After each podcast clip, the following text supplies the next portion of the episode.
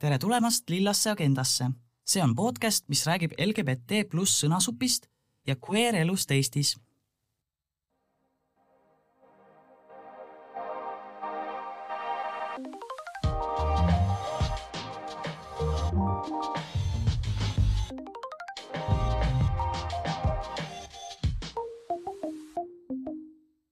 Hi Mel Hi, Paul. um,. Welcome, welcome, welcome. Uh, we have arrived in March and already half of it is gone. Uh, and uh, I'm really happy that today is such a wonderful weather. Uh, yeah, it was like the second time I came to Telliskivi on a bike. Uh, and I don't know, it just gave me such an energy boost. Um, but yeah, uh, why am I speaking in English? Well, we have uh, today an international guest, uh, Dana from uh, Mexico. And um, yeah, that's why we wanted to be able to communicate with her on this show. Appreciate Yeah, I it. think I think that helps, doesn't it? I asked in Spanish, but I couldn't do it. Um, our other guest is Emma, uh, straight from Tallinn. And um, yeah, but uh, before we uh, start with the topic for today's show, um, which is Women's Day, and especially from trans women's perspective, um, we have some uh, announcements. Uh, the first one is that uh, Patreon has been uh, closed already since June. Um, but uh, we still haven't deleted it. Uh, so uh, I know some of you have still become new patrons, uh, but uh, yeah, we we're not actually taking money from you since June. Um, but it's our communication problem, so sorry for that. Um, but if you want to donate uh, to us, uh, to um, then uh, it's best to do it through our Facebook page. There is. Um, a post uh, about with our bank credentials, uh, and yeah, you can support us there. Uh, another way to support us is by buying our uh, Queer Flame T-shirts uh, from Caps Lock. Uh, maybe there are still some people who haven't got it, so check that out. And uh, thirdly, but not lastly, uh, there's a big party coming I think it's the biggest celebration of the beginning of spring. Uh, it happens on the 31st of March when we have Trans Visibility Day. Um, and it's basically um, Androcare, uh, some of you probably know, is a family run business um, that champions trans rights. Uh, they do gender neutral boxers and uh, they are making a big party at the Sveta bar on 31st of March uh, where they launch their new uh, boxer collection. Uh, but that's not all. They have drag and burlesque shows. Uh, there, there is also a band called Sumi performing, and also Flumen. And um, there's even uh, a fundraising auction for for some of you who want to get some new cool uh, products. Uh, queer merch, yes and uh, this fundraiser is basically for um, Androcare's um, mm, founder, uh, Torm's uh, Top Surgery Fund. So uh, make sure to turn up and invite your friends, and I think it's gonna be a great party with like a lot of performances, and yeah, and you can find uh, more info on Androcare's social media. Yeah. Uh, if the reasons Paul said uh, weren't enough, uh, I'm also gonna perform at the party as a major danger. So there's that. Oops, I forgot you. um, yeah. Um, so before we go on with the show and finally introduce our guests, uh, I'll quickly talk about the history of Women's Day because this uh, episode is um airing like a week after Women's Day. Uh, and we thought that we should uh, like celebrate women and talk about uh, trans women who are often like not talked about in this context. But uh, in order to understand it better, uh, we start from the history of Women's Day. And um, basically, yeah, it goes back like a, mm, a century um, when um, when there was a National Women's Day in USA, uh, and it was first proposed by uh, Theresa Malkiel, and it's basically based on a urban legend which uh, which was commem- commemorating a protest uh, by women garment workers, um, and uh, it was inspired uh, by Malkil and other American activists, and um, and then German socialist Luise uh, Zietz suggested that uh, they should make it into like an annual Women's Day, not only like in USA but everywhere around the world. And this was also seconded by Clara Zetkin and supported by Käte Duncker. And then uh, 100 women delegates from like 17 different countries all agreed with this suggestion. And uh, basically, it was meant to promote the rights of women. Uh, and most importantly, the right to the vote, the suffrage. And um, yeah, so the first time ever International Women's Day happened on March 19th, 1911, and uh, more than 1 million people celebrated it. And besides uh, demanding the right to vote, um, it was meant to fight against sex discrimination in the workplace so that women would be allowed to workplace and uh, to hold also public office.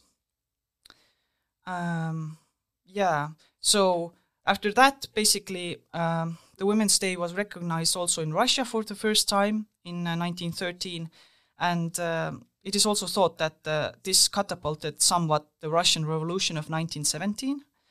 Um, and yeah, basically, women went uh, on a strike for bread and peace, and they demanded to end the war, the First World War, Tsarism, and the shortage of food.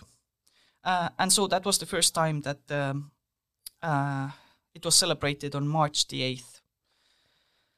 And yeah, basically, basically that's it. Um, so this is like the first wave of feminism, and if you want to hear more about it, you can uh, listen to our last year's episode with Aet.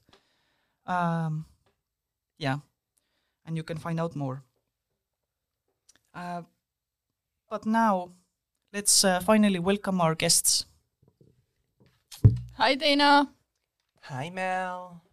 Hi, Emma. Hello. Uh, thank you for mansplaining International Women's Day, Paul.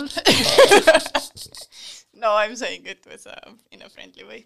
Um, uh, maybe I'll start with you, Dana. Can you tell us uh, who you are and how do you uh, identify and uh, what do you what do you do? Who am I? Uh, how I identify and what do I do? Who am I is a great question. I've been asking myself that for the past uh, 20 odd years. Um, I think I made a good introduction there that I'm saying I'm just your run of the mill Yucatecan, neurodivergent, queer, multimedia designer, you know, one of those. And I would say that how I identify is uh, as a trans woman, and there's a lot that could happen in the middle.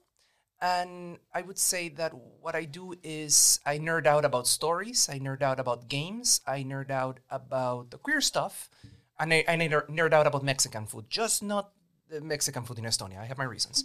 um, and what do I do right now is I'm a learning digital uh, digital learning game student in Tallinn University, and a copywriter and a Dungeons and Dragons writer for a hobby company in Mexico. Nice. I think I'll ask the same question for you, Emma. Uh, hello. Uh, I'm a I'm a software developer for an Estonian company. Uh, I guess you could say that I'm a computer addict. and I identify uh, as a trans woman. Sometimes I struggle with uh, between uh, trans woman and trans femme, but I guess trans woman is just more easy. Uh, and uh, when I'm not working, then I'm uh, uh, inline skating, roll- roller skating, and uh, going to saunas. Yeah, I noticed that you, besides your roller skating hobby, you are also interested in going to sauna. Huge fan. So you're like it's super super Estonian. Um, Roller skating and sauna. no, I mean the sauna part. Maybe also the roller skating. I don't know.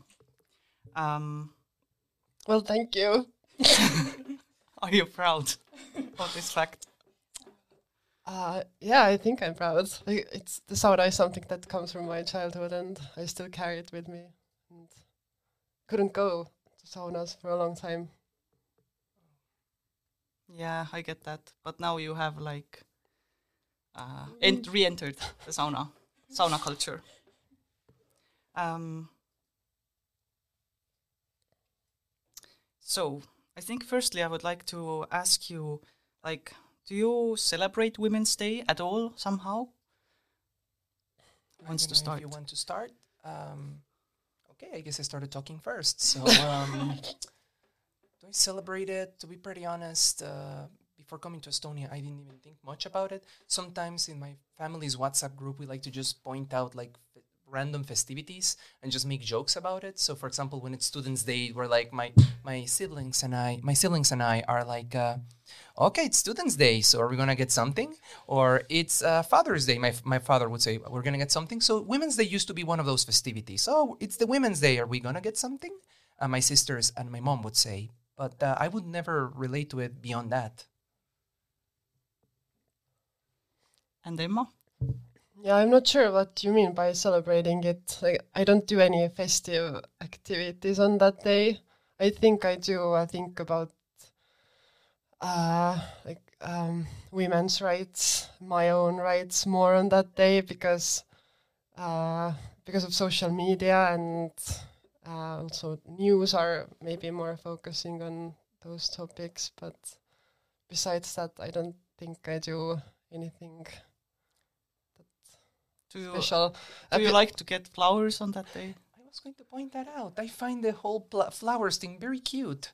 And I would just like to point out something interesting that happened. So, uh, for example, I had uh, this ex girlfriend who we were close to Women's Day, and she was very concerned because she's like, I really, I'm, I haven't fully gotten out on uh, my my workplace, but I am dressing very femme, and I'm hoping that they notice I'm femme, and I would really like to get a flower. And I was just, well, I really hope you get that flower, babe, in that case. And but when I thought about it to myself, I was like, eh, it would be nice if I got one, but it's not the end of the world. But it's just such a simple gesture that can really mean a lot, especially to people who, for the most part, we never got the chance to be called women in the first place until very recently. Yeah, like I don't really have anything against it, I guess, but it also doesn't mean anything to me. I like the act itself has always been uh, really awkward for me. when like this year, they actually I was uh, in a meeting, uh, like a, in a work meeting, and in the office, uh, like my colleague, my colleagues uh, like shared flowers. They interrupted my meeting and. I had to step out of the room t- to get the flowers. Seriously? Okay. Wow. I think it's just awkward, but uh, yeah, it's. I don't have anything against it. And, Mm. I think the first time I got flowers, it was uh, quite special. Then it was like, I, uh, it was also the time when I came out at, w- at the Mhm. workplace, and uh, I was quite uh, in the early stage of transitioning, and uh, it was very uh, cute. I think that they, the gesture was really cute. I guess I could say it's for me like snow. The first days when I, I in my country snow is not very common. The first days it was magical. Oh my god, this beautiful white stuff and it makes little snow people and everything. By the third week I was sick of it.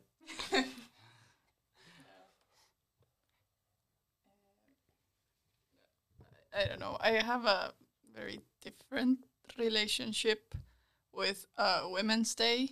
Um, oh, really? Yes. Is it because you're not a woman? Maybe. um, yeah, uh, especially uh, before, uh, when people would uh, say like, you know, congratulate me on Women's Day, I was like, what the fuck? like, do you have eyes? I, I am, I'm not. I don't know. It just invalidates my whole identity. Um, but in general, Women's Day, like to me, the first association, of course, is like the capitalistic sense of it, like flowers and chocolate and like everything is so cute. Um, with that, necessarily, I don't vibe so much, like myself. And don't forget the special women's sales. Oh yes, yes. Um, but uh, so I, I like maybe I'm showing how bad of a partner I am, but like I didn't buy any flowers or like celebrate it in that sense. Ay, ay, ay, Mel. Ay, ay, ay. yeah, I was thinking um, myself about the Women's Day, and I was like, uh, this year somehow I hadn't noticed before. I knew it's happening, of course, it's always happening. And when I used to get flowers, also I saw it that it's uh, in Estonia. It used to be a lot o- about just giving flowers or like stuff to women on Women's Day from their from from their uh, men in their life, and. Uh, somehow yeah this this year I, I, I noticed like how much they were selling this uh, yellow tulips in the prisma and stuff and i was like i saw these poor men like struggling uh, like from like teenagers to like uh, 60 plus years old years old struggling to find one flower and you know rushing home to give it to their the significant women in their life and i was like wow are we still doing this? But uh, but yeah i guess i guess i was i was thinking more of with this question like should it be like different uh, the way we celebrate it? Um, emma you already mentioned uh, that you think about women's rights on that day. What what kind of um, women's day would you like to celebrate or like how would it be different? Mm.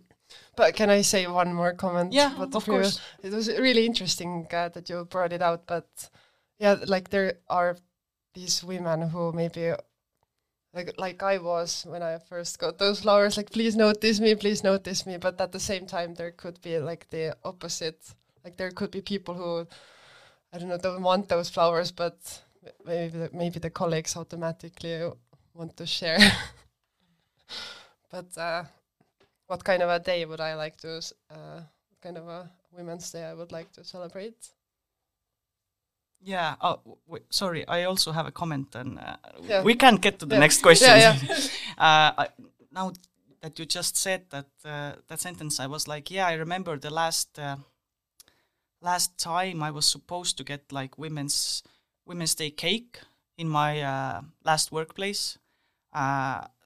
There was supposed to be like cake in the cafeteria, and I remember like uh, I was just coming out as trans, not in the office yet, but like everywhere else, and I was like, I remember how I like specifically didn't go there to the cafeteria because I didn't want to be like celebrated as a woman. so I, so I just skipped the cake, although I really like um, sugary stuff. So, but it was a good sacrifice. but but I also get like that the flowers can be really nice. Uh, but that that's like like very surface level thing, right? So it's like it needs to have this kind of discussions. I think. Uh, around like women's issues and struggles. Maybe like a donation donation with it or something. I don't know. but uh, um, to answer your question, like, do we need the day and what kind of a day I would like to celebrate? I think we need it. Uh, I think uh, the like last week, uh, Korro was talking about it on uh, this morning program and said very uh, in a very good way that it uh, reminds uh, us where we used to be and um, to come to this point like it hasn't been easy and and there's uh, still like, ways to go. And uh, yeah i think i like that this day uh, like the news and media channels are talking about it. Maybe uh, they, they should even do it more. I don't know what do you think? Yeah, I, I, I agree. Like, I think it, like, putting a spotlight on women's achievements, I think, is absolutely fantastic because, like, women tend to be in the shadows. They tend to be the background figures, and like showing the amazing things when um, women are capable of and what they have done is absolutely necessary. I think. Um, what I would like to see more is, um, yeah, showing like it isn't this like cutesy holiday where men buy flowers. Like in itself, it like I don't think it does much. Like I think it can be quite heteronormative. Like and like it just to me it just enforce, enforces the gender binary, uh, and it leaves out a lot of people. Um, in my opinion, like the way we currently celebrate it. What do you think, Dana? Well, uh, I would say that is a great point. Just starting with, with what you said about like heteronormativity, enforcement of heteronormativity, because then you have to ask yourself the question: Would men like to receive flowers during Men's Day? Why is it only women that should receive flowers? And I can also add you you had a lot of bangers, Mel, on that one. So uh, I I would just like to add that there's also the fact that improving on it might require more uh, commodification or doing it more capitalistic in nature. As I said, special women sales. I do not want more special women sales. I do not want uh, to get things. I want things to get better, maybe. And personally, I you would even get into like even creepier, deep, deeper stuff about like what do, do festivities mean? How do festivities uh, festivities are like uh, celebrated in different ways. You celebrate Christmas differently, differently than you celebrate uh, St. Patrick's Day, than you celebrate Martin Luther King's Day. That's a great reference for Estonian people. Uh, but uh, yeah, uh, what I'm trying to say is that for me, uh, I would be careful. Yes, I would be careful about Women's Day because women is just one of the many, many ways you can see yourself it's like the question that Emma was having previously, that I also have, that a lot of, I guess, trans women we have is like, am I a woman? I am a femme. Am I a non-binary femme? I'm a binary femme. And Women's Day feels like an umbrella in which they're already putting us back in the box of like, you're a woman and you like pink and you like flowers and I'm being nice to you by giving you these things. Yeah, these are very interesting points. Yeah, like that. Uh, can I say? like one thing that I also wanted to bring out uh, is that uh, maybe when we're talking about uh, like women's uh, like rights, then also includes like trans women and trans femmes and like make it more wider. But just so um, it would cover like a wide variety of uh, women or like um, femmes. Those flowers mean something different for a trans woman than for a cis woman. Um, I think this is the good point where to play our first song. Uh, and this uh, this one is uh, from Dana. Do you want to talk a little bit about uh, why you chose this song? Of course. Um, I give it a lot of thought. I had a lot of wonderful songs to choose. Um, but I really wanted to use this one because it was in Spanish, which I felt was very connected to my origin. It's from a singer that I really love. And it's about uh, life and the experiences you go through. A recurring theme on the song is like uh, not believing what happens to you. But after going through it, all you can ask yourself is, why suffer through it? Just enjoy what you had. Uh, think and dream about the experiences you lived with the people you loved at the time and keep going.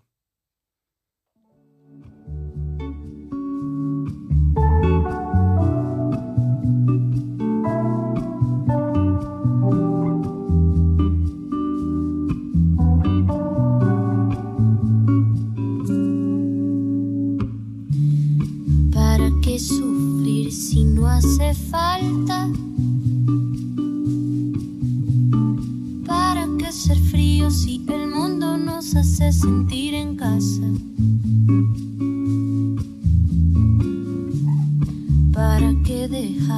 Que todo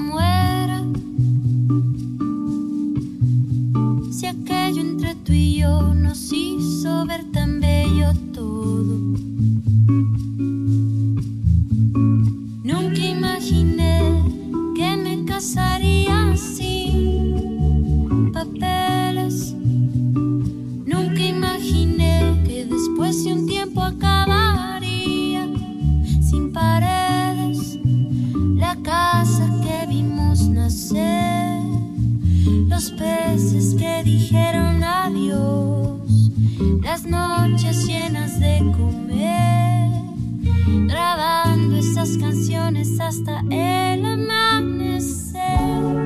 ¿Para qué sufrir si no hace falta?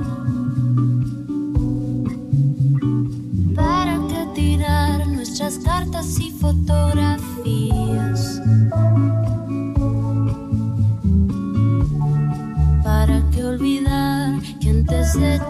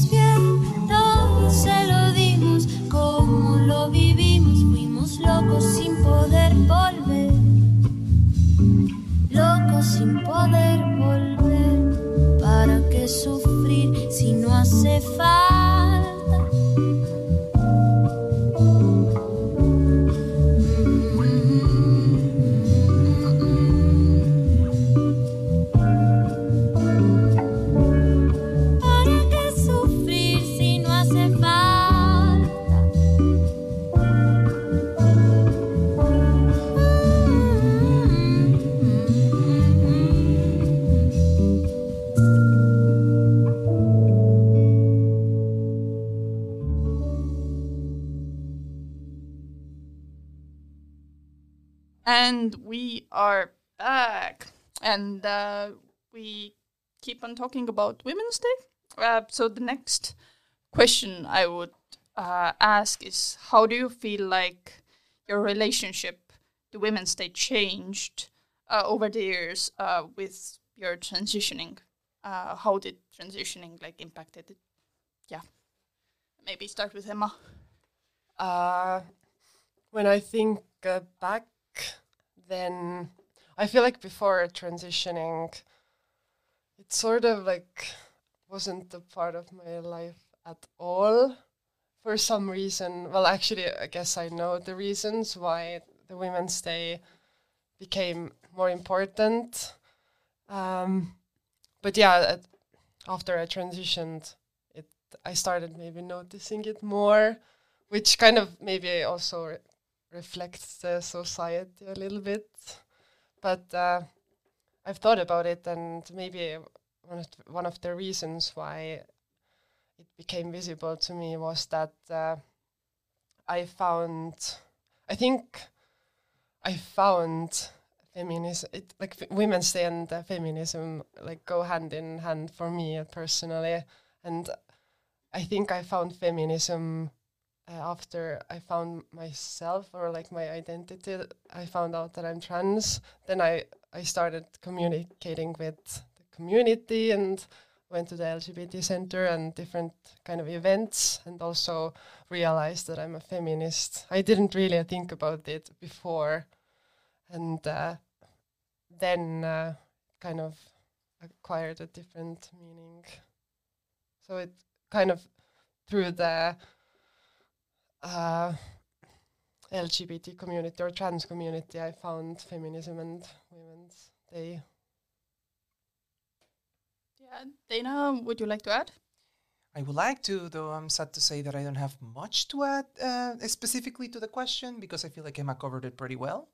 Uh, I also kind of spoiled it a little bit at the beginning by saying that for me, originally, festivity was just something that I would joke about with my family and not much else. But I would say that maybe I would add uh, more to the point about feminism because I find that very interesting. Because I was, uh, I, it's it's a long story, but I would say that at a certain point in university, I started to care more about progressive politics, and it was around that time on uh, there was this uh, uh, this type of community called BreadTube, and one one of them became very popular, ContraPoints. And so when the when their transition happened, it was a very big deal because like, oh my god, that's a trans person. And very funnily, I remember thinking, huh, their experiences doesn't seem like much like mine. I guess I'm not trans. and um, I was interested in feminism, but I always saw it through a very different perspective to the one I have now. And I guess it goes in hand with the idea that uh, for me, even now, it's like uh, sometimes I'm just like, oh yeah, I'm a woman. It's just a funny phrase to think about sometimes. It's just like I'm just walking on the street. Oh yeah, I'm supposed to be a woman. Uh, and I just think, well, I mean, how many cis women are thinking I'm a woman all the time? I guess it's normal to just at some point just it just becomes part of your life and that's it. So yeah, Women's Day. I also, but I also find like, uh, especially when I was hearing uh, Paul's uh, uh, recap of the history of uh, Women's Day, such a fascinating holiday. Really good, really interesting holiday to think about, and its radical leanings. It's just so sad that it got commercialized. Yeah, I think, like I said before, um, my relationship to that holiday is very tricky. Um, before transitioning, I never felt comfortable with the holiday. I didn't know why. It just didn't feel like a sense of joy when somebody brought me flowers. I was like, okay, cool. um, but now it's I don't know, I dread sometimes Women's Day because like I know my experiences are gonna get like like I'm gonna get misgendered the whole day. Um and it's tricky also in that sense that I am not a woman, but I do experience women's issues. Like I also menstruate, I like also need access to the services that cis women do and like but like i'm never in that conversation like like when even in feminist circles sometimes when we talk about like you know gender equality and stuff it's always like uh, men and women but like i feel like uh, non-binary people and trans men often like get left out of that conversation like though we also experience these things. What do you think, Paul?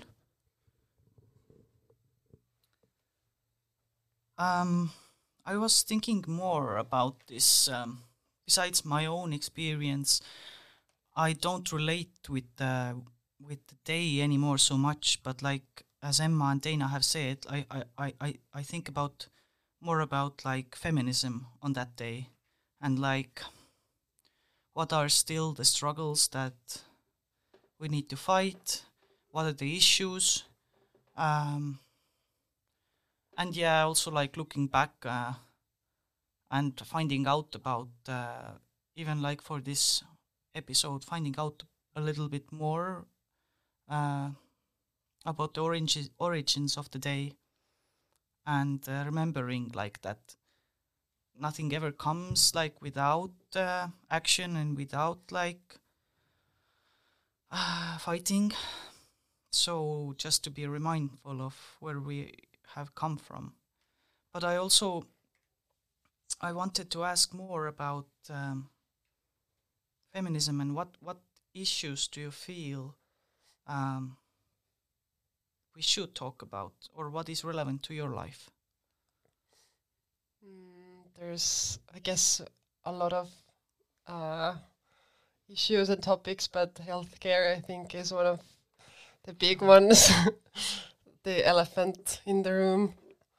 Um, do you are you asking like personally what affects me? Like whatever you want to but share. I, I feel like uh, I also uh, for me it's not that that uh, I'm being uh, left out or my need like trans women especially like post-op women's needs are being left out of the discussion which they are but there's actually like also no place to go for help it's like I don't know uh, you will find out that you have a problem when something is like falling off or so.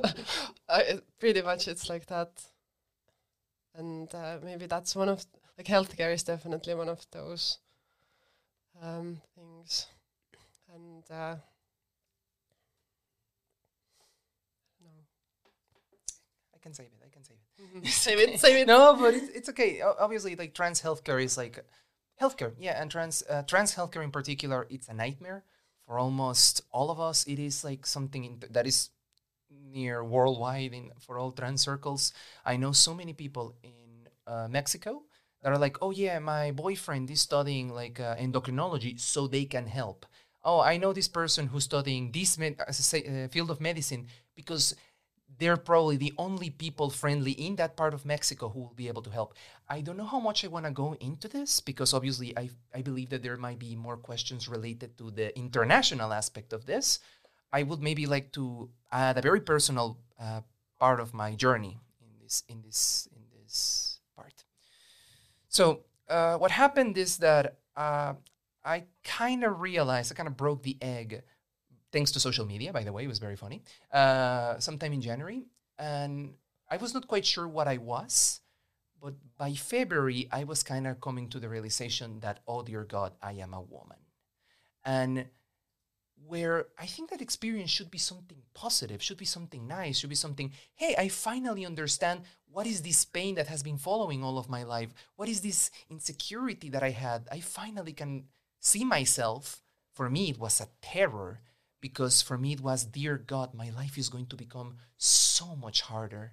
My job prospects are going to become super difficult. My, uh, especially again, I, I don't know how much I can spoil. Please interrupt me if I'm spoiling too much. You are not spoiling anything. All right, uh, but I might go into more detail later. Uh, in Mexico, the situation for women, not just trans women, women is dire. Mexico is one of the places with the largest amounts of feminicides in the world and the second biggest place in the world of trans feminicides with information that we have. So it was a horrible realization to be like, oh, dear God, I realize what I am, and it means that I might not be able to go to the street on my own anymore. It is something that I really wish it could change. It really is, and not even going into the other social aspects of, hey, why the fuck am I treated like um like a lesser person, or people, or there's a chance people might not listen to me anymore the same way they used to because I'm a woman, and why would you listen to them? Or they wouldn't even be friends with me. That I cannot be friends with men anymore because, well, you know, especially in my country, the, the, the expectation is that men and women cannot be friends. They would eventually just want to, you know, do something, you know? So that's where I would go with that. Yeah. Um, so I guess uh, we can uh, delve more deeply into this question of like, um, how do you feel? Uh, can you can, can you talk about more about uh, your issues in uh, Mexico and like how is the situation different to Estonia? Like, what have you noticed? Sure. And also, you can share about like the women's situation. Okay. So, I I want to give a few like um, I, I have I had the word but I forgot it right now. Um, Trigger details- warning? Huh? Trigger warning? I mean, yes, of course. There's trigger warnings here. I also will try not to be full doom and gloom because, well, I will say that my experience is very particular. Um, privilege is a word that like uh, resonated. I, I had this conversation with like uh, two very close people in my life who are also trans women uh, about like the differences because I kind of realized that I was trans uh, late, but however, by the time I realized that it was only a few months before I, before I got an HRT.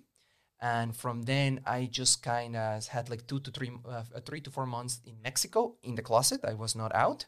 Then I went to Estonia, and then I continued my transition there. And then in Estonia, I was fully open myself, openly myself.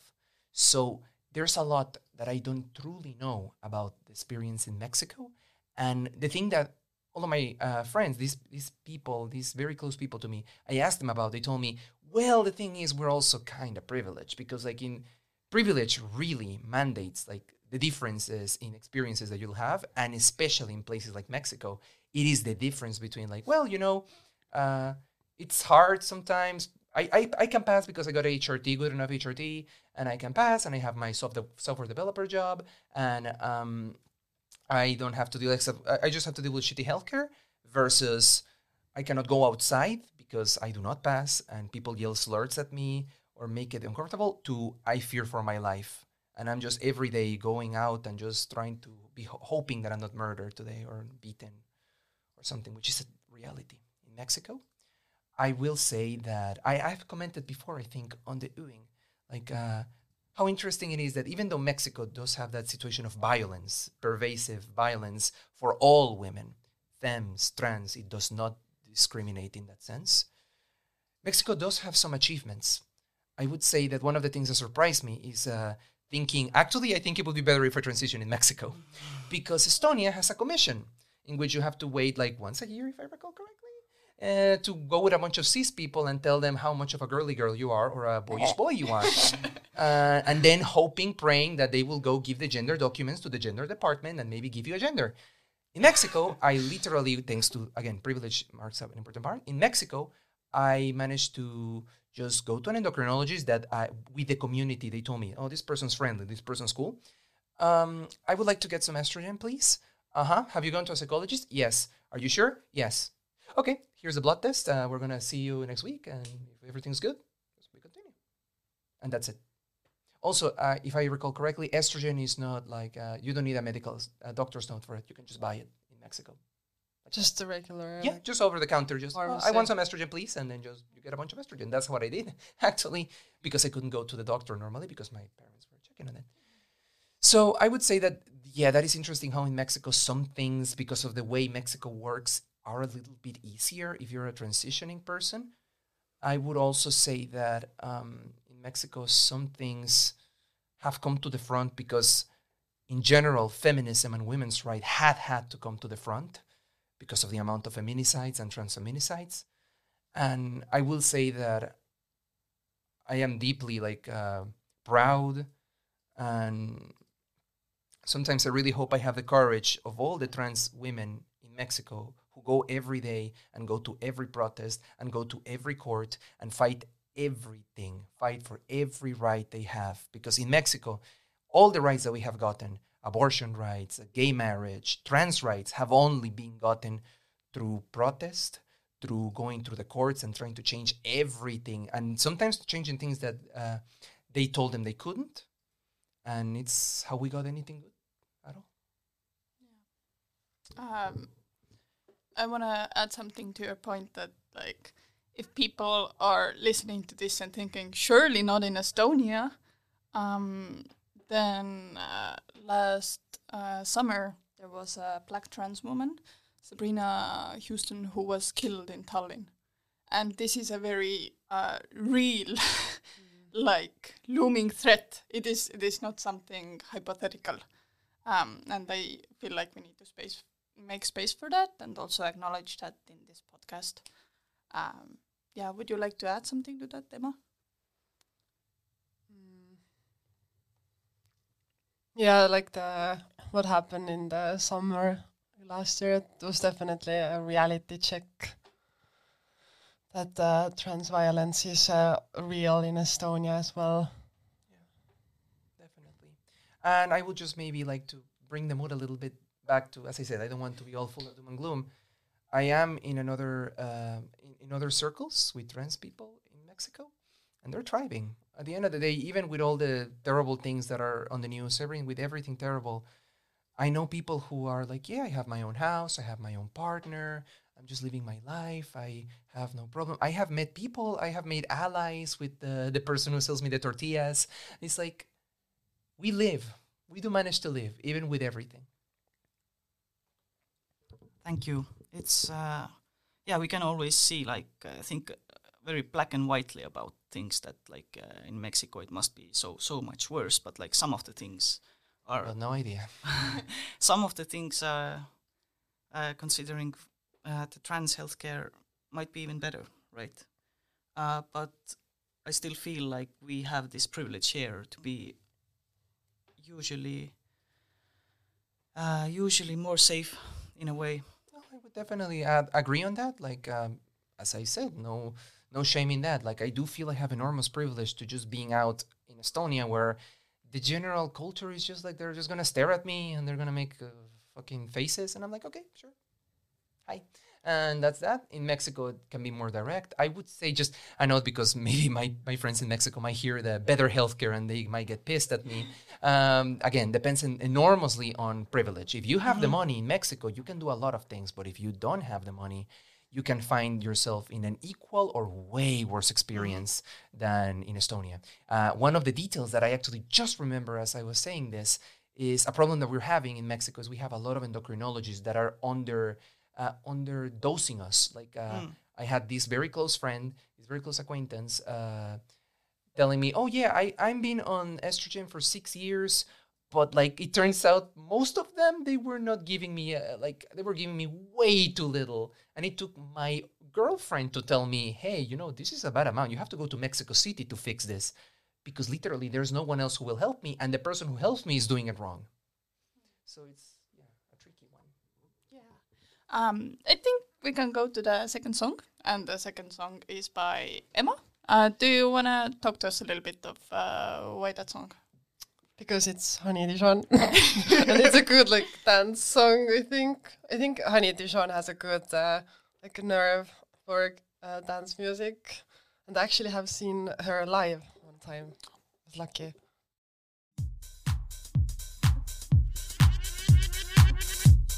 Bye.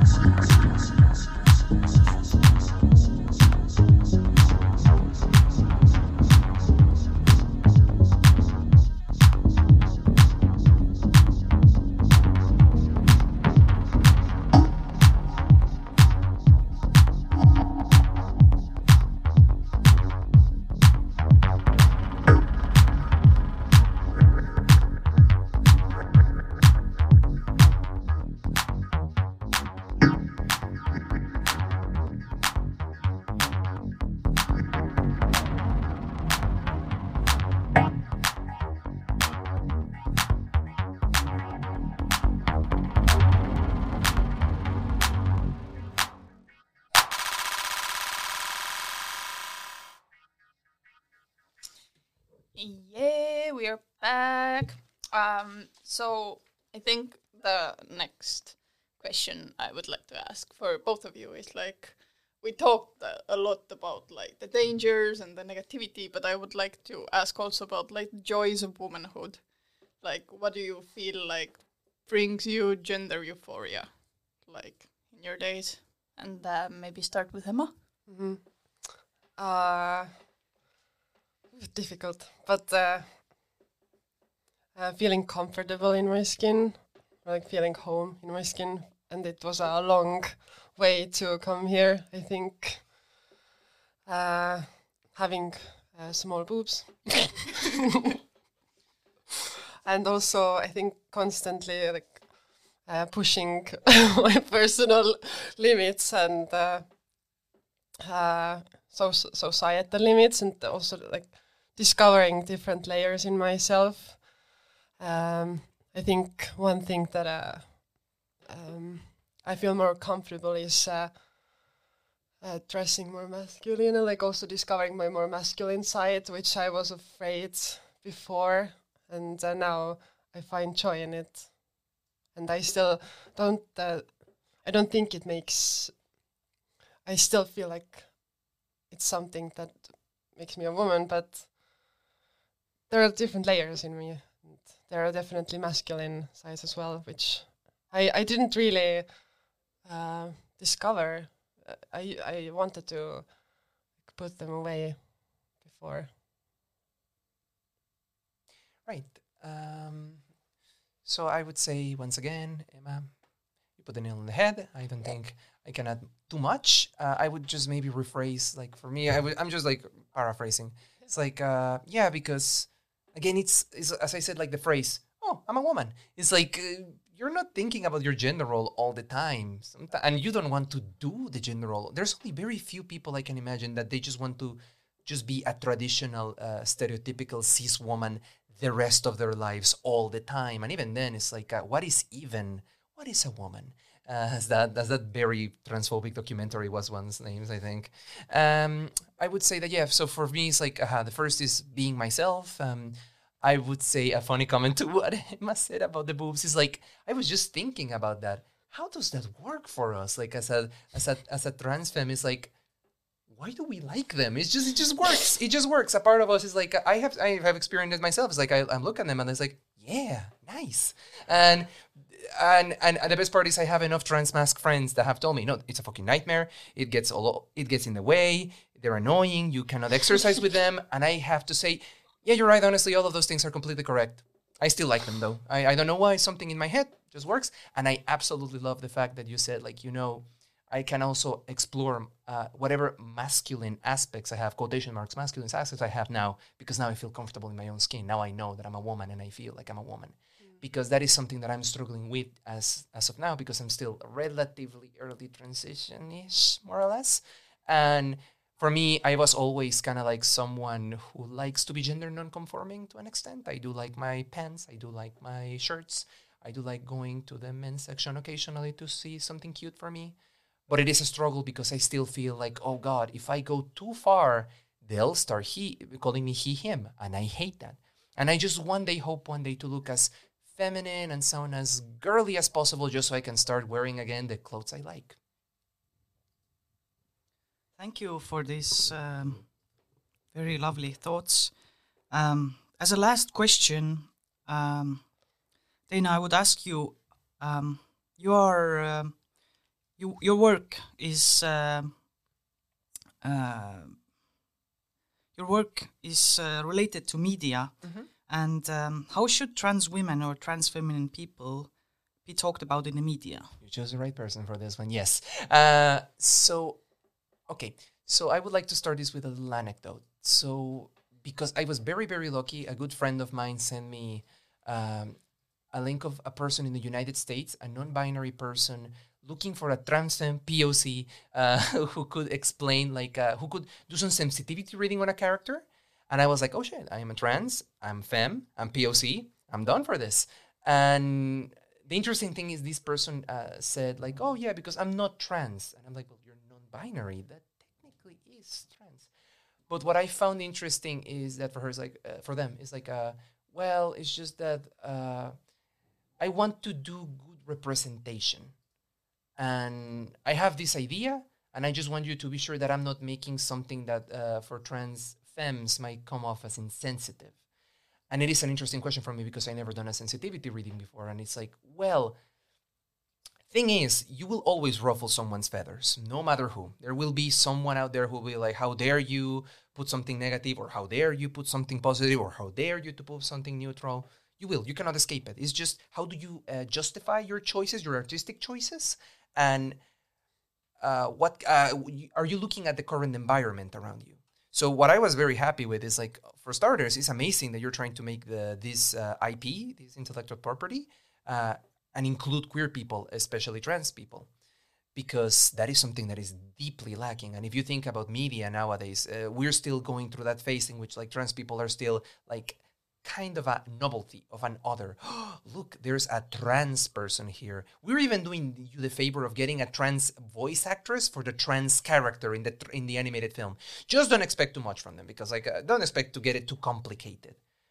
And what I like doing this project is thinking about like, uh, for example, uh, they wanted to make a fantasy story in which like trans people are treated as if they were in a as if they were living in a liberal city in the United States, and it's like, okay, well, that is a tricky one because it's like uh, how do you divorce the context of trans femme people from our current reality? Because everything that we do and we experience as trans people is completely connected to our history to our society to our economics. Like you really can uh, you really have to think of a place where trans people exist if you think about uh, trans people throughout history like the like the oracles in the in Greek history, or the, uh, for example, in Mexico we have the muxes in Oaxaca, the third gender. The many third gender peoples, they all occupy a certain narrative within their societies. They fulfill certain roles, they fulfill certain things. And for me, that's something inter- that media, I think, should tackle. Instead of just saying, oh, yeah, everything is very fantastical and crazy. And by the way, there's this person from very this specific context from real life, just tacked on there. There you go. And I also felt that it was very important to get messy or complicated. Uh, so there was this. Uh, I don't know how much I can talk about this, but there was this. Uh, there was this mention of a character having a child that was trans, And there was discussion about that, and I said, no, they absolutely should put a character who has a child that is trans because that is a reality for a lot of people. And trying to make the narrative neat, make the narrative neat, make the narrative clean, is not doing us any favors. It's not helping people understand us any better. It's just making once again putting us into a new box in which we're like the trans woman or the trans man, in which like a trans woman is this and a trans is that. So that is what I think it's important for representation. Yeah, I, I totally agree. I also want to see messy queers and messy trans people on uh, in in media. I think it's way more interesting than just uh, than just you know cut and dry like I don't know one dimensional. All uh, happy, all passing, all good. Yeah. Thank you. Thank you, both of you, Emma and Dana, for coming to the show. Uh, I kind of feel like we should do sometime another episode with you two because it, we have so much uh, more to talk about, and you're such lovely guests. Yes. Uh, thank you everyone for listening, and uh, we'll see you next month. Thank you. See you next month.